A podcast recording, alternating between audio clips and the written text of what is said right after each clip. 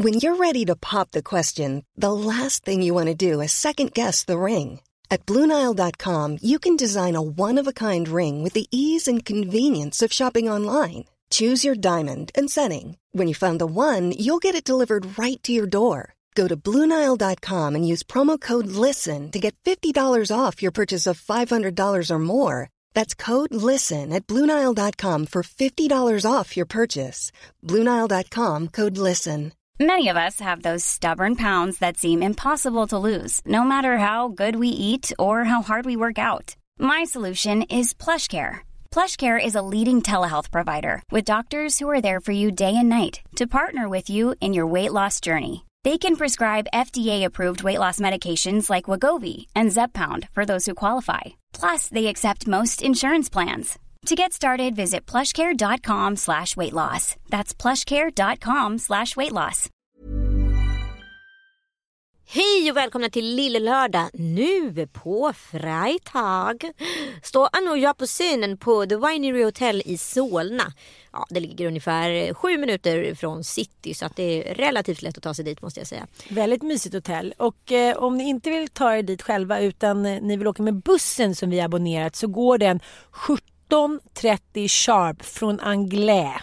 Precis, och det är ju vid- först till kvarn som gäller så skynda er så får ni åka buss ut. Kan Av alla tusentals som...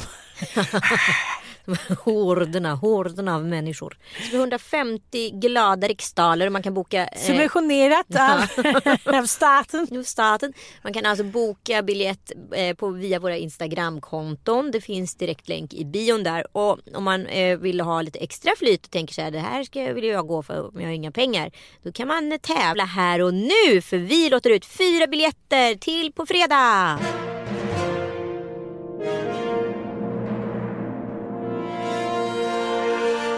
Vad brukar Ann Söderlund kalla sig för när hon är, har ett drottning-alter ego? Ja, det är en jättekonstig fråga och det är en jättekonstig karaktär. Men det undrar vi alltså. Vilket namn använder alltså Ann Söderlund när hon har ett drottningkaraktär? Nej, Och framförallt, jag brukar reta henne för det när hon blir alldeles för mycket snorkfröken. Men de får inga alternativ väl? Nej, det blir alldeles för okej, lätt okej, då. okej. Eh, Eller ska vi säga Ololia, Eulalia eller Elälia? Det är svårt det här. kommer inte komma in många svar. kommer inte komma, komma svar. Ja, hur som helst så hoppas vi att vi ses på fredag. Det kommer bli jättekul. Och eh, kom gärna lite tidigare. Ta ett glas i baren. Och sov gärna över med oss. Ja, och man kan också käka middag där. De har Mm. ju satt upp jättetrevliga små Lille Lördag-paket. Och dessutom kommer Davida bjuda på en alldeles speciell Black Friday-rabatt. Bara för er som är på showen. Och det kommer finnas lite tröjor utanför från schysstaste cashemeren. Ah, kashmiren. Mm. Men eh, som sagt, gå in via våra länkar eh, på Instagram eller så tävlar ni. Och vad ska de svara någonstans? Ja, men de svarar direkt via DM till mig eller Ann. Och så kommer ni hamna på en lista i eh, entrén. Vi ses!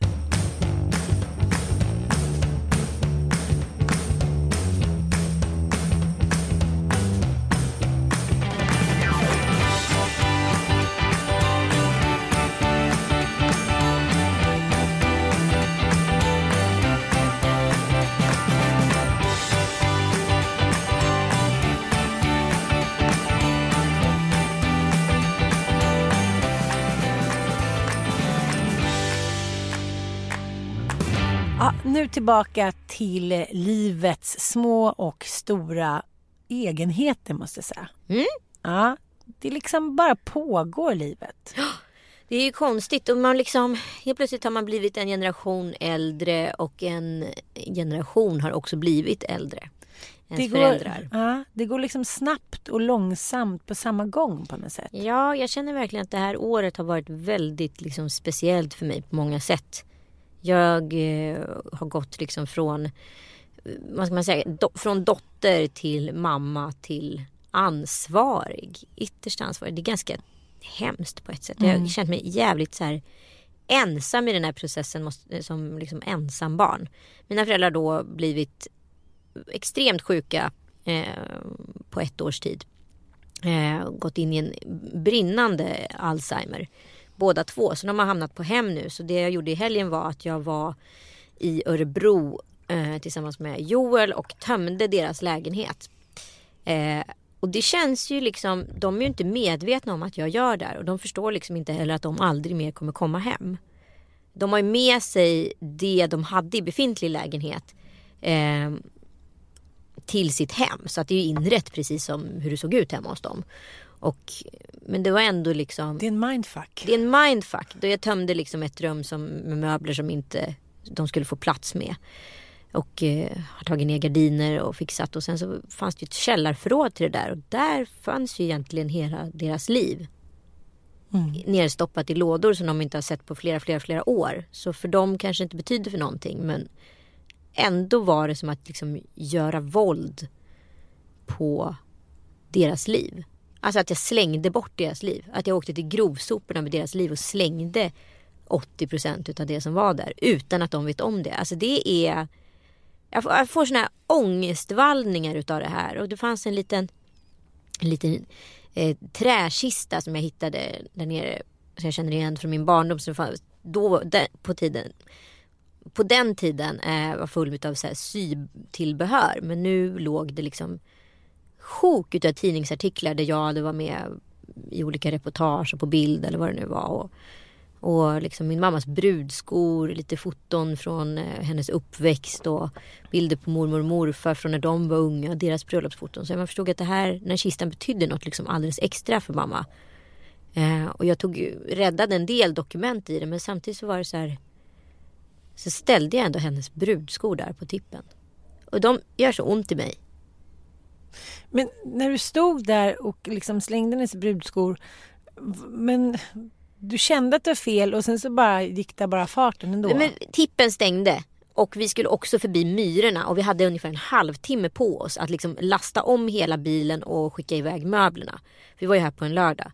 Så att så här, tiden liksom på något sätt tog beslutet åt mig. Mm. Istället för att jag så här... Men jag fattar. Jag ja, fattar. du fattar. Och jag bara så såg hur jag så slängde bort mina föräldrars liv. Helt utan deras vetskap. Mm. Alltså det är så jävla genomvidrigt. Och de lever ju fortfarande fast de är ju så levande döda eller vad fan man ska uttrycka det som. För det är ju en fruktansvärd sjukdom. Jag har liksom ingen erfarenhet alls av den. För det som är då är liksom den stora eh, sjukdomen i vår släkt det är ju då kräftan som man sa förr i tiden, cancern. Ingen har drabbats av Alzheimer överhuvudtaget. Nej och jag menar det här är ju så jävla intressant för jag var på något eh, seminarium med SCB för ett tag sedan och då sa ju de att eh, vi kan bli hur gamla vi vill. Våra kroppar kan bli hur gamla som helst nu för tiden för vi äter bra och vi rör på oss och allt det där. Men eh, hjärnan är ju som en hårddisk som får syntaxerror. Mm. Och eh, som det ser ut så kommer ju de flesta eh, liksom få Alzheimer eh, på sin ålderdom liksom.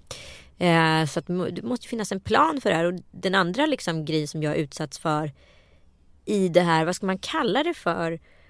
mellanrummet mellan liksom, innan så här vården tar vid och liksom det naturliga pusslet löser sig.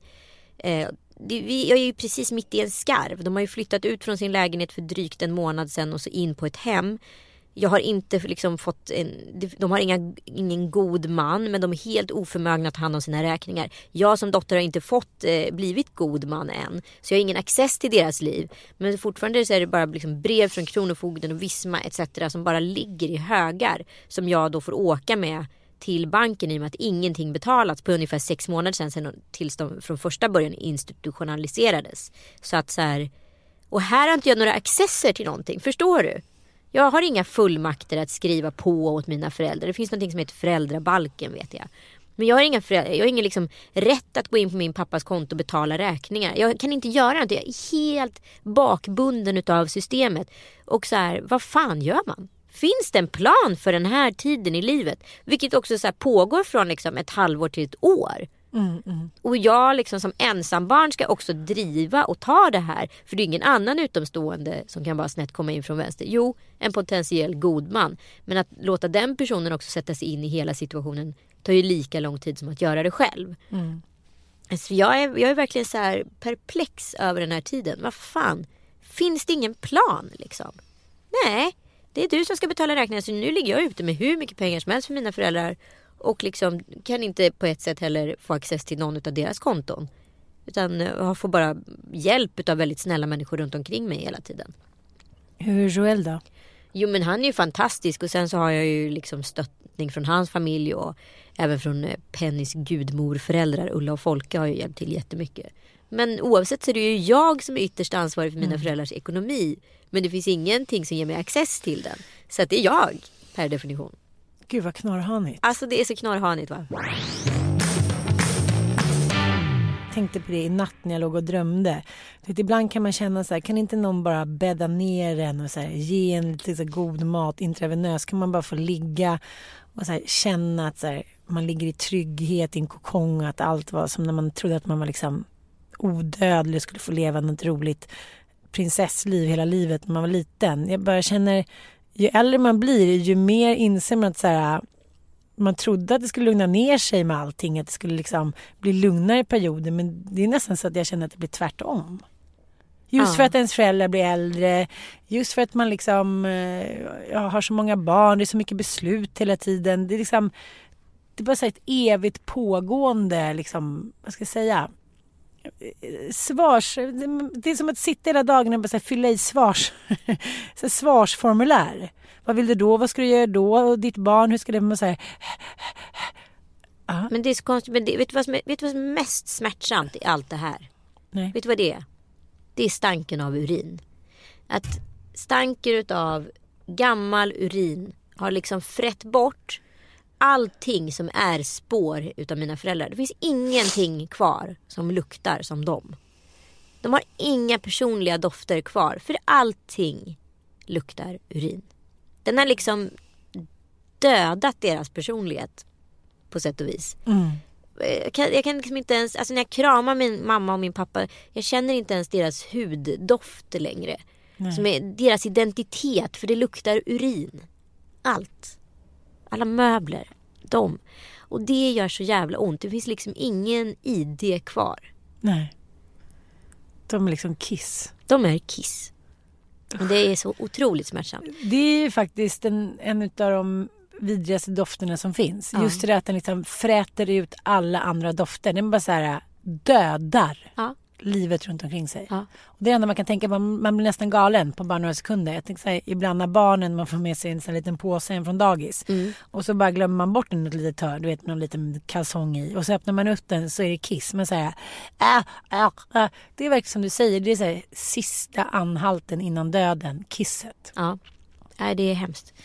Men jag tänkte på det för att i och med att jag varit själv och så var det någon klok kvinna som sa till mig att så här, ja men får man vara med om mycket tidigt i livet desto starkare blir man och så är det ju verkligen på ett sätt. Och så tänkte jag på den här styrkan, var, var kommer den ifrån och hur har den tätt sig och jag hade liksom som så här något konstigt inre mål av att vara stark.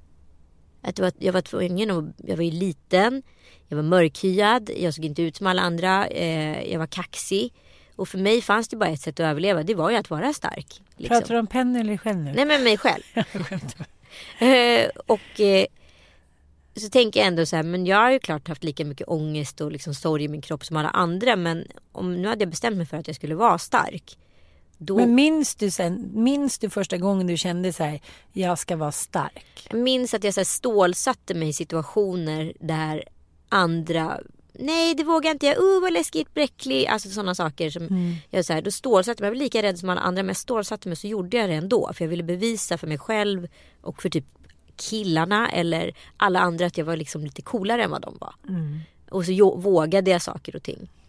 Men sen så kom jag på att i tonåren så utvecklade jag så ganska stora så fobier för så spindlar och för duvor och, eh, och för sprutor och liksom massa så konstiga fobier som jag aldrig liksom haft tidigare. Och jag kan fortfarande ha så starka så sinnesbilder utav så saker som jag var rädd för då och tyckte var äckligt och läskigt då.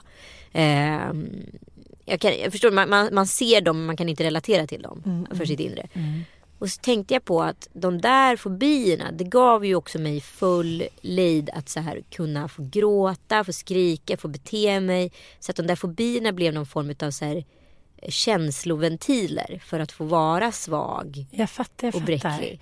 Så att istället för att det kanske som en, ursäkta, inte dysfunktionell familj så hade liksom en av dina föräldrar frågat Gud vad är det här? Kanske tagit dig till psykiatrin och så, här, så hade du fått liksom hjälp med det. Och de har sagt det beror på att hon är rädd eller mår dåligt över det här. Mm. Men så var det inte här. Så att då istället för att liksom erkänna att du var svag eller in, Eller ledsen. vanlig, normal. Ja, Hade precis, ett vanligt. Ja. känsloliv. Så, eh, så var du tvungen att ladda det med symbolik. Och Ja. det blev det här. Så då, fobin gav mig liksom fri lejd till att, eh, att få göra vad jag vill. Men så tänker jag på, jag har en kompis som har vuxit upp i en så typisk kärnfamilj och det har varit liksom legat i bolster så att säga under hela sitt vuxna liv och eh, det har alltid liksom känslorna har alltid tagits upp. Det har ingenting som har så här sopats under mattan.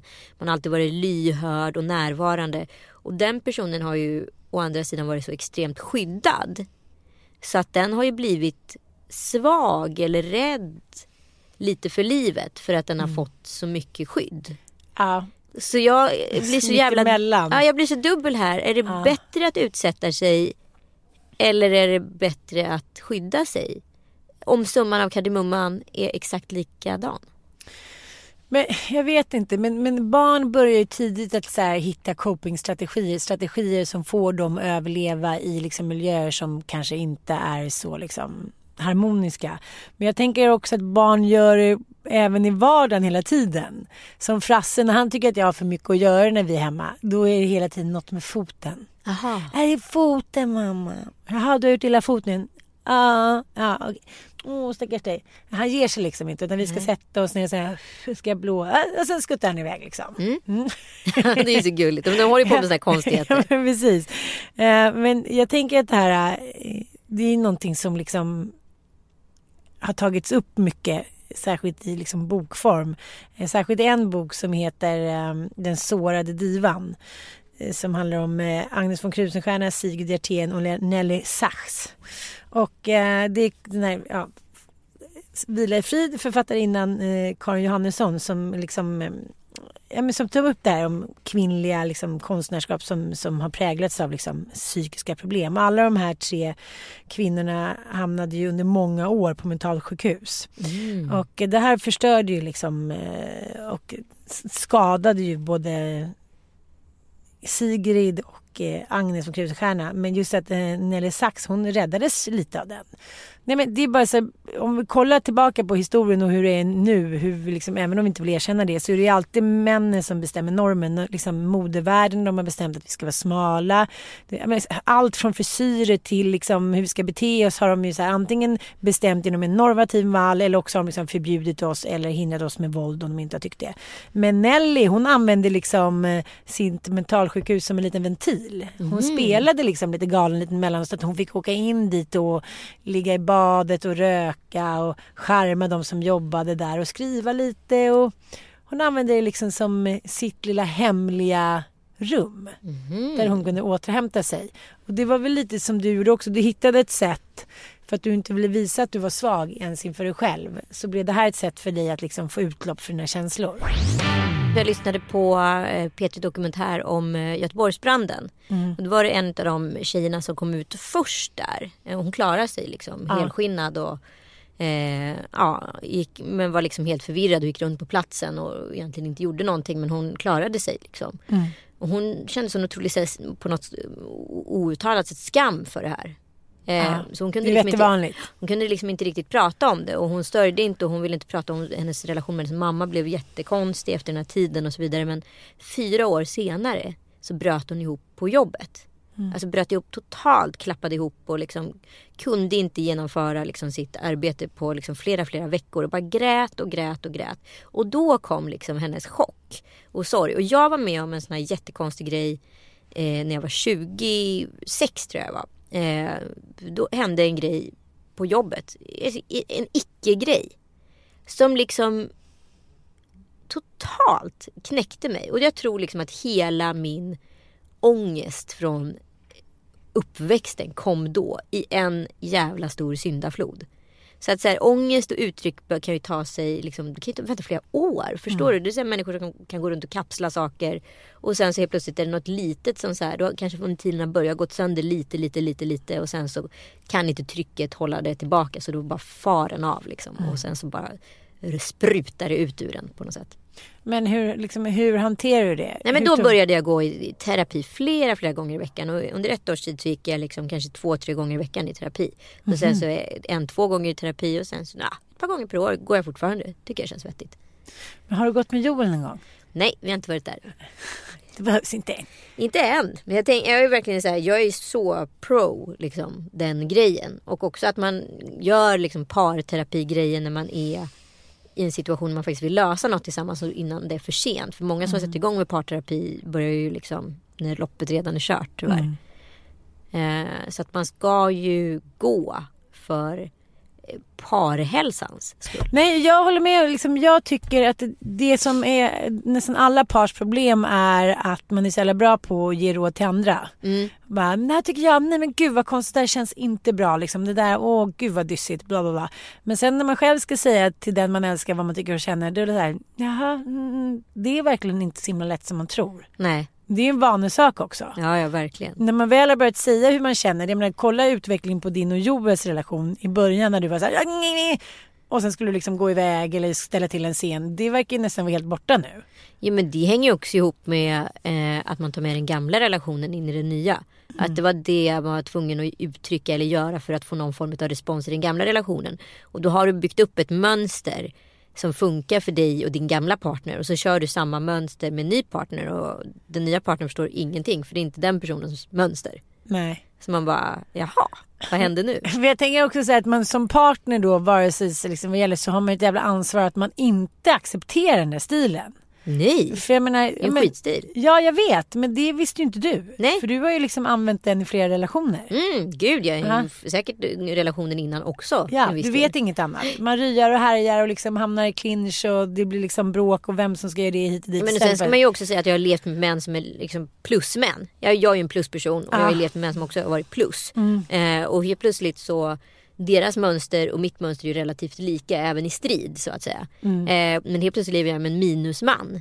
Han förstår inte alls med plus-situationen. Vilket också blir så här parodiskt. Man helt plötsligt står så här. Och härmed vill jag att Kartago ska förstöras. så, så, och så är det någon som bara så här. Okej. Ja.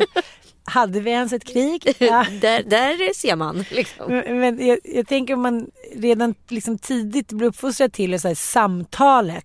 Man kunde liksom slippa så mycket tjafs. Jag tycker så jävla mycket. Det som slår mig är att det är som att det går mer och mer mot sandlådan ju, liksom, om man inte stoppar det. Det går snabbt liksom Mm. överstyr.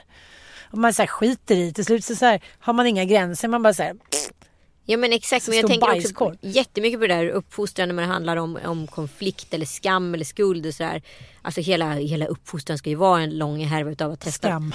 Ja men, nej, men testa, göra massa fel för att sen så lära sig moraliskt på ett eller annat sätt Ja. att göra rätt. Ja. Det är ju ingen som kan vad rätt är från början ifall man inte har gjort fel. Så är det ju liksom. Nej. Ska du prassla klart kan vi prata vidare.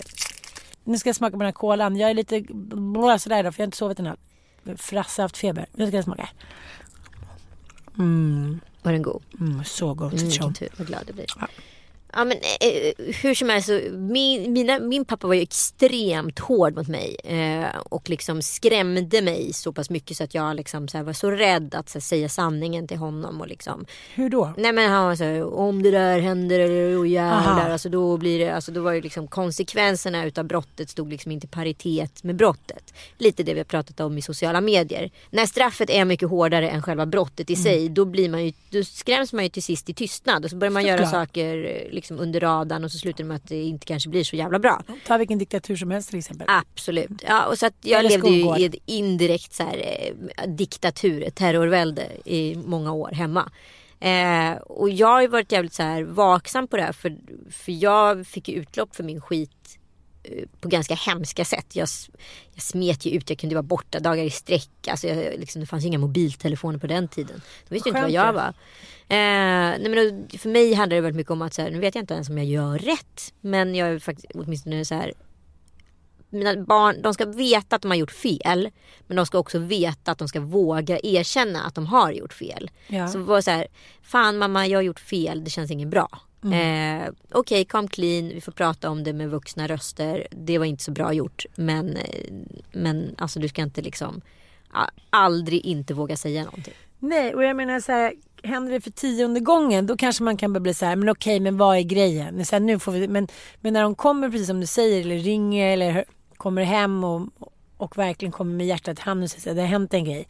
Som att man skulle liksom ha det i sig, att man skulle börja rya och döma och förbjuda och straffa. Liksom, nej. Nej. Men här alltså, det är ett sånt extremt generationsglapp. Vi pratade i bilen på väg hem från Örebro med liksom Joel och vi pratade om liksom min uppväxt och mina föräldrars uppväxt och deras i sin tur uppväxt. Och liksom vi pratade ju så här att här pratar vi om att mormors mor var född på 1800-talet. Och helt plötsligt så har hon då barn som går in, har barn som sitter med en iPad. Alltså det är ju, det är ju jätte, jättejobbigt för 40-talisterna. De sitter ju verkligen mitt i skarven från en gammal uppfostran där man inte pratade om känslor. Det känslor var fult till att liksom idag är det enda vi vill prata om känslor. Eh, och jag är väl någonstans mitt emellan här. För jag, jag tycker så här, ibland kan jag nästan tycka att så här, ja men Lex där vi pratade om den här person, min kompis som har liksom haft all typ av skydd och närhet och allt har varit på bordet men liksom ändå tagit ganska, blivit ganska drabbad av livet för att hon inte orkar liksom. Ja, men så, så, man kan säga att i all välmening så har de inte rustat henne. Nej, då har hon blivit komma. curlad och blivit rädd och springer till mamma istället varje gång. Nej, men, Ja. Gud, hur ska man göra rätt då? Ja men hur ska man göra rätt? Då måste man ju försöka hitta en- den fina medianen här. Vad är medelvägen? I känslostormen. Men jag tror så här, det är så olika med olika barn. Som att till exempel ta min äldsta Ossian. Han har det bara i sig. Liksom han har en inre mognad som han har bestämt sig för att liksom plocka fram. Han vill det, han är intresserad av det. Han, Mm. Han vill, är kavat, han vill klara ja, sig Han själv. vill redan tidigt så här, förstå de liksom mekanismerna för vem som är en bra människa och vem som inte. Och liksom, men han är redan, vad ska man säga, eh, analyserande kring eh, liksom, sitt tidigare liv. Mm. Och 16 år gammal, då är man ju bara så här...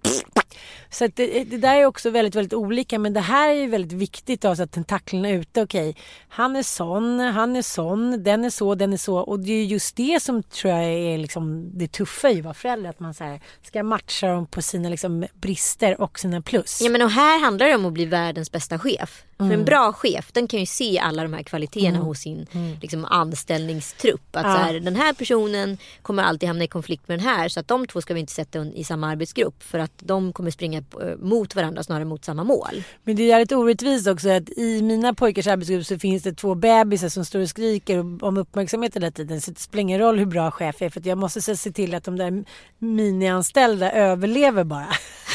Sätta dem ner i lagret. Men det var jätteintressant. Satt på en middag här om veckan eh, och pratade just om liksom, äldrefrågor med mina väninnor. Och då visade det sig att alla eh, tar ju hand om sina föräldrar. Och då betyder vi, pratar vi tjejerna. Ja. Brorsorna är helt avpoliterade. Till och med svärdöttrarna tar hand om eh, makarnas mödrar och fäder som är sjuka. För att pojkarna klarar inte av det. De är så känslomässigt så drabbade när det kommer till sjuka föräldrar. Eller är det strategi? Som det alltid är att vara pojke. När det kommer till att man vet att så här, kommer syrran kliva in eller så kommer mamma kliva in. Eller så kommer frugan kliva in. Mm. Men jag menar den strategin använde jag mig också av när jag var liten. Jag antog liksom rollen som the tomboy. Och sen fick min syrra kliva in. Asshole, jag märker det. Mm. Du har ju den effekten på mig. Ja. Ja men alltså verkligen, du kan ju nyttja den. Du kan ju, du, den är ju så finslipad Ja. den tekniken i Sen dig. typ tre års ålder. Ja, Ja. Mm. så att den, så här, kan, den kan ju du spela alla dagar i veckan. Men jag tänker också att någonting som liksom som har typ tilldelats sen. Vad ska man kalla det för? Kan man kalla det för en skill? Ja absolut. Ja. Det är också så, här, så otroligt beroende av, precis som vi har pratat om i tidigare poddar, så här, vad har man för backning? Mm. Om min mamma eller pappa det var så här, okej Anson, jättebra försök men så här, glöm det. Så var det inte. Utan då var det så här, syrran städade mitt rum, mamma var så här, åh okej, åh Anson, suck och suck. Men lite charmigt också, vår lilla killtjej typ. Hon måste ju kunna spela fotboll och rädda mörtar i ån typ. Så så här, det är också ett spel. Alltså, man kan inte helt fördöma det tycker jag. För att i varje familj så behövs det liksom olika komponenter eller ingredienser i den här jävla liksom, tårtan för att den ska vara god. Och då för att det ska liksom bli en härlig stämning så har ju alla olika roller. Mm. Och då kan ju inte alla vara duktiga flickan. Då blir det ju bara så här trist. Så då är det så här, har man fått en förmåga att man är en glädjespridare och en liksom glad skit som också är Men lite... tror du duktiga flickan vill bli duktiga flickan? Nej, det är det jag menar. det? Nej, men det är det som är det jävla orättvisa. Att liksom, har man den eh, förmågan att liksom entusiasmera andra människor Mm. så är det väldigt lätt att komma undan. Och eh, jag har inte tänkt på det men jag och min syrra har genom åren haft liksom menar, haft en väldigt liksom problematisk relation.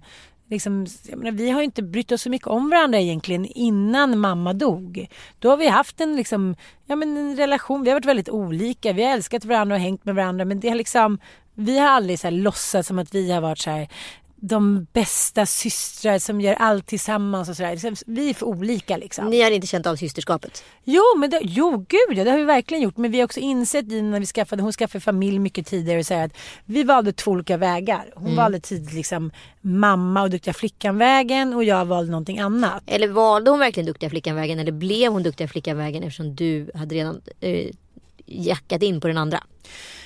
Ja, men jag vet att det handlade inte bara om mig. Det handlade om att min pappa liksom var en drulle som sen började dricka mer och mer och att mamma då blev tröttare och tröttare på att ta hand om drullen.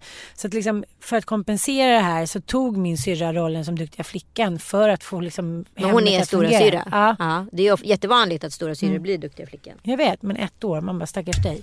Men, men liksom, när man inte, när man har en annan roll och är i en viss ålder så tänker man ju inte över det där så himla mycket. Nej.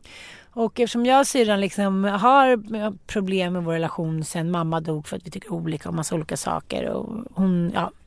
Vi har bara, det har bara liksom varit svårt. Så sa en kompis med häromdagen som, inte, som jag inte känner så väl, som jag bara känt något år. Hon var så här, gud jag googlade på dig häromdagen och eh, fick upp en intervju med dig och din syrra från en gammal tidning från Amelia. Nej. Mm, en så här ganska lång, med så här tre kändistjejer och deras syrror. Aha. Och då var hon så här, eh, jag såg på henne att hon visste inte om hon skulle säga det här. Jag kommer ju ihåg den där artikeln men jag kommer inte alls ihåg vad det stod i den. Nej. Jag kommer inte ihåg att jag ens reagerade på den. För att jag är så van vid att min syrra liksom är på mig för vissa av mina egenskaper. Så där. Det är bara vardag, så det har alltid varit. så jag tror att jag tar det liksom inte som kritik. Jag har inte den självkänslan gentemot henne att jag kan försvara mig. Nej. Men jag, jag har fortfarande inte läst artikeln men hon var så här. Ja men hon, hon tyckte att det var väldigt mycket bitterhet och anklagelse i hela den här intervjun från min syster. Aha. Medan jag var så här bara plussande och älskvärd och hit och dit. Så tänkte hon så här, men på slutet så kommer väl den i alla fall någonting så här. Men å andra sidan bla bla. Men det kom aldrig. Det var bara bitterhet och avundsjuka liksom. Ja. Men är det då för att hon tänker jag, nu spekulerar jag. Jag vill inte inte se syster. det här. Mm. Nej, syster i rummet. Men liksom, är det då för att hon har oförtjänt, tycker hon, fått tag på sig den där rollen som den där praktiska i... För att du valde den andra rollen. Du liksom bara blev ins... Du bara tog den. Den låg först där. Du sprang först fram och bara, ah, den här tar jag. Och du får ta den andra tråkrollen. Men jag tror inte att hon har liksom lyckats identifiera att hon har mått dåligt av den rollen. Nej men samtidigt kan jag ju så här, jag kan ju förstå henne på ett sätt. Mm. Eh, och sen så kan jag samtidigt så här tycka att det är ju orättvist också. Man måste ju ha liksom egen, man måste vara självkritisk i sig själv. Liksom. Men det, det, det, när vi har konflikt Ann, Mm. då, då vad heter det, då tyck, det jag har problem med är att jag upplever att du är väldigt egoistisk. Ja. Och det kan jag också uppleva när vi står på scenen. När vi två gör en, eh, en eh, föreställning ihop. Mm. Så har det i alla fall varit tidigare att du liksom, du skiter egentligen att jag är där. Jag är mer som en bättre betald sufflös och du kör en enmansshow. Och nu när vi börjar repa ihop och testa sticken ihop liksom på riktigt. Och de, här, de sista showerna vi gjorde i våras. Då tyckte jag liksom att vårt samspel var så jävla fint. Vilket det inte var i början utav eh, showen liksom. Eh, utan då var det du Ann Söderlund show och jag stod bakom med några cue cards och försökte hålla dig i tyglarna. Eh, det tycker inte jag är lika kul. Nu tycker jag att det är mycket roligare när vi båda liksom eh, gör någon, interagerar med varandra. Och det tycker, upplever jag att du också tycker det är roligare. Absolut, de, de tre, fyra sista showerna tyckte vi var fantastiska. Men det här handlar ju också om att när vi går in i den här showen så är du mer nervös än vad jag är. Jag tycker bara att det är roligt. Ja. Du får ju så jävla ångest liksom, första gången vi ska gå in att du säger jag klarar inte det, jag klarar inte. Du vill ju typ bara springa och liksom kasta dig framför ett tåg ungefär. Ja, ja. Så att du är ju osäker, vilket jag inte är. Så då blir det lite som att jag tycker att jag kompenserar lite då, vilket jag gör de första eh, liksom showerna. Och sen är jag inne lite i det där och sen mot slutet när du är helt bekväm, då kan du och jag börja integrera med varandra. Så det är det är svårt det där också. Det är ju svårt men du är ju, en, du är ju lätt en person eh, om du nu vågar lyssna på någon typ av kritik från din syrra Mm. och din snubbe och mig. Att du lätt blir ego och så kör du ditt race och så känner Ja. du bara så här, det där läste jag. Lite Mm. så. Eh, fast egentligen kanske handlar om att så här, vara lite mer så här, seende för folk runt omkring. Mm. Eh, för att som jag upplever så får vi båda ut väldigt mycket mer när vi interagerar än när du känner att så här, jag är räddare för Anita har fått panik. Alltså, Ja, men, första showen var ju faktiskt lite nödvändigt där för då, då var det lite fara på taket. Absolut, Ja. absolut. Jag säger Jag inte det. vad Du behöver inte försvara det. Men. Mm. liksom, men det, det jag säger är bara så här att din läxa skulle kunna vara det. Och min läxa skulle kunna vara att så här, istället för att sluta in mig som någon jävla insekt som bara så Mm. klappar ner att så här okej, andas ut, börja om och sätta sig ner och liksom interagera istället för att bli surbjörn och vända och gå åt andra hållet. Liksom. Ja. Men jag tror att du sätter spiken på någonting som jag tycker är spännande. Det är det här att jag alltid nästan kan rädda alla situationer. Ja. Tycker Eh, du själv?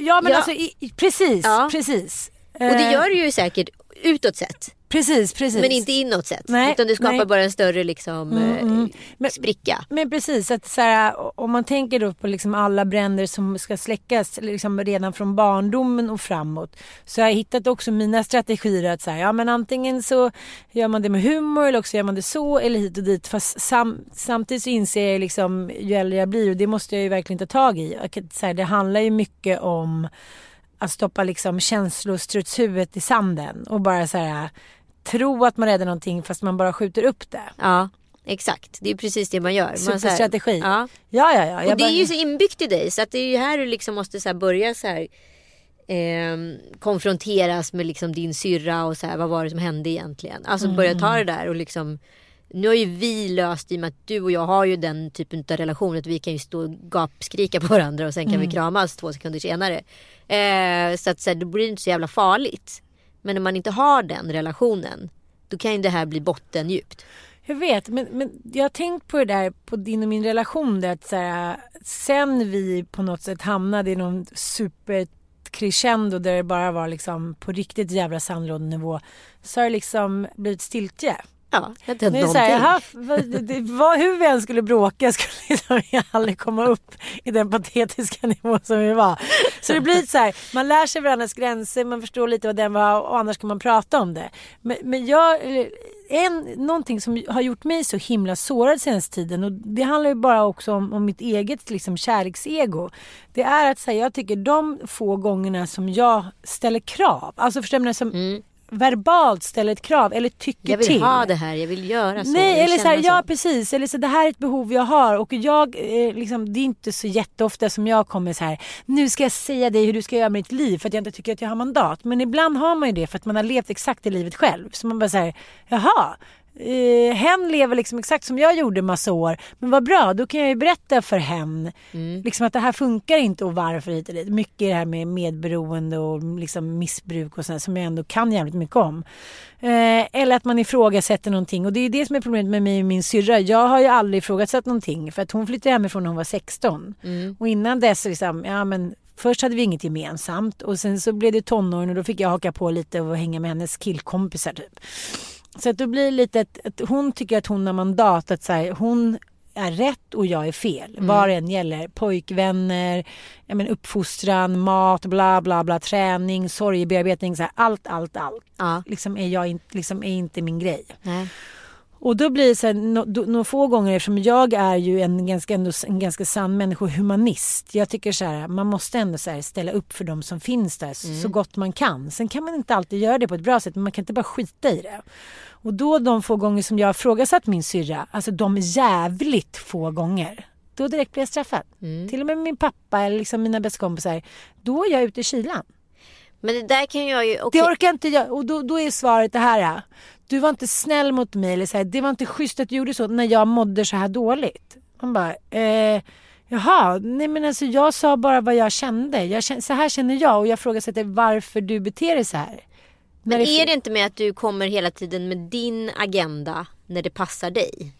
Det är min analys. Nej, inte, inte de här senaste grejerna. Nej, okej. Nej, Det- men för det är det- mer tjatagenda. För det som händer är att, att det märk, har jag också märkt när man har liksom mått dåligt eller hamnat i, i vissa situationer. att Många som står en nära tycker att det är så jobbigt så att de, så här, de drar sig undan och försvinner. Mm. Det är inte ett dugg ovanligt. Nej, och liksom, det är väl det man, man kan mäkta med. Men, men sån är inte jag mot liksom mina närmsta.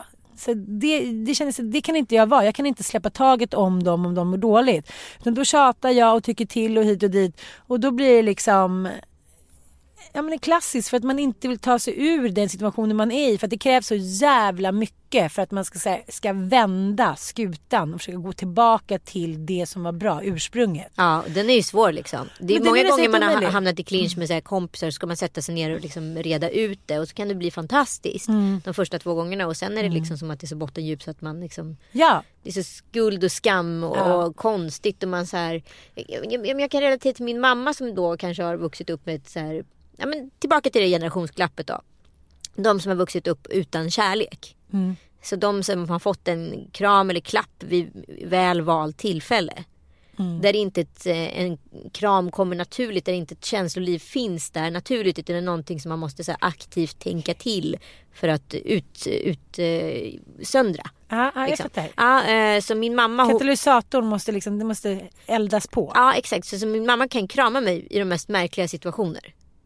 När de inte alls passar. Du vet när man Ja. inte så känner oj det här, nu- det här var inget kramläge men okej här kommer en kram, hoppsan. Mm. Och då blir man liksom lite så här, man ryggar liksom lite till för man är Mm. inte beredd på kramen. För det visst, var mitt inne i ett samtal här och så plötsligt kastar sig någon runt halsen och gav henne en kram. Nu är hon Mm. sjuk idag så att det är ju klart att det blir ännu konstigare. Men jag kan tänka mig bara för att översätta den företeelsen lite om du kommer då helt plötsligt nu så här helt plötsligt ställer du ett krav och Mm. ett begär och att det blir lite samma så här oj man ryggar till lite. Mm. Jag var inte beredd på det här. Nu kom du med din liksom hjärta i handen och Mm. det hade inte jag alls tänkt att se. Det här var alldeles för exponerande och blottande på något sätt. Mm. Men jag tycker överlag att det är så att så här, även gentemot mig själv när folk liksom ska komma med sanningar så blir man lite så här om de kommer rätt av vid rätt tillfälle då kan det bara leda till någonting väldigt liksom konstruktivt men kommer liksom fel minut, fel tillfälle då kan det bara göra så att man tar 50 steg tillbaka. Ja. Så det är också så här Timing is everything. Men jag, tycker att, jag, jag förstår vad du menar. Men, men det finns ju så mycket som liksom är obearbetat och hit och dit. Men jag klarar inte längre av... Man har ett par vänner där man ska bara umgås på deras villkor. Ja. Och det är faktiskt, liksom, det kan vara jättemysigt. Man kan älska dem och tycka att det är underbart. Men sen när man själv försöker förklara så här. Just idag eller nu kan inte jag umgås på dina villkor eller dina premisser. Så här, ser du det? Det går inte. Nej det går inte. Nej. Nej, men jag- ja gud jag har ett så här gammalt kompisgäng som är så här, de är så himla så här korrekta och eh, liksom på pappret helt fantastiska, förträffliga människor. Det finns ingen som inte älskar dem. Men så märker man när man kommer till deras lilla hem eller deras lilla sommarhus att man säger nej men gud jag är med i ett regisserat drama här. Jag har blivit tilldelat en roll Ja. och spelar inte jag den rollen utan bryter från min rollkaraktär då kommer jag sabba den här kvällen. Så jag märker att det här är liksom en på pappret en otro, för vem som helst som hade kommit utifrån hade trott att det här är den perfekta aftonen. Det är den perfekta aftonen. Gud vad är det här för fantastiska människor? Det här är helt otroligt. Hur kan man ha det så här härligt? Ja. Men egentligen är det bara ett väldigt välspelat drama. Men, men jag tror också att så här, det som ändå tror jag har räddat mig och som jag tror att kanske liksom man ska tänka på när man sin- sina barn. Det är ju det att jag har blivit älskad för den jag är. Mm. Och min syster har blivit älskad kanske för vad hon har gjort. Eller vad hon ville vara. Precis och det är klart att det, liksom, det hon, min syster och min mamma var ju bästa kompisar. Men hon har aldrig kanske fått riktigt den rollen av att bara det sedda barnet. Hon har varit kompis eller den som har liksom hjälpt till att städa. Och det här har en annan kompis till mig berättat om. Så här, just den skammen när man kom hem. Hon bara städade och gjorde fint. Alltså ska ordning och reda. Här hemma, här sker ingen dyss. Vilket har gjort att min syrra har påverkats mycket mer min uppväxt och pappas drickande och all dyss än vad jag har gjort. Jag säger jaha, jag bara kastade lite macka, skuttade runt lite och säger men gud, har du inte släppt det där? Hur många liksom, terapitimmar ska du gå i? Att så här, det är ju som maskrosbarn. Man bara okej, okay, där kom en maskros i asfalten. Så här. Vi har ju olika liksom, strategier att överleva. Sen måste man ju någon gång ta tag i det. Men det är bara liksom Ja, det är lite orättvist. Men, men det var, jag blev väldigt ledsen av att höra att det inte fanns något försonande i intervjun. Ja, gud vad hemskt. Ja, för jag var så här... Men, men du har ju chansen att göra någonting åt det. Mm. Du får göra det. Mm. Kan du inte göra det till nästa vecka så lyssnar vi på resultatet? Jag måste få två veckor på mig. Två veckor får du. Mm. Mm. Innan jul. Ja, alltså jag säger vi. Ja. Ja. Puss och kram. Tack Puss och kram. Tack för att du lyssnat. Hej.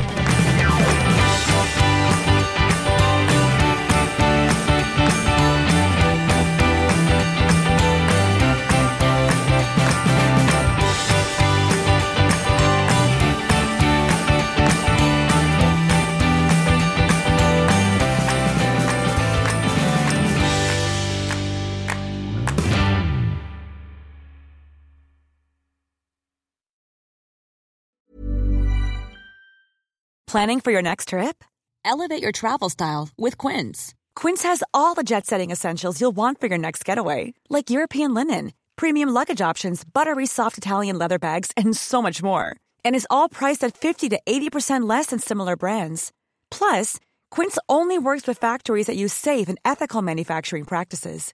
Pack your bags with high-quality essentials you'll be wearing for vacations to come with Quince. Go to quince.com slash pack for free shipping and 365-day returns. Planning for your next trip? Elevate your travel style with Quince. Quince has all the jet-setting essentials you'll want for your next getaway, like European linen, premium luggage options, buttery soft Italian leather bags, and so much more. And is all priced at 50 to 80% less than similar brands. Plus, Quince only works with factories that use safe and ethical manufacturing practices. Pack your bags with high-quality essentials you'll be wearing for vacations to come with Quince. Go to quince.com/pack for free shipping and 365-day returns.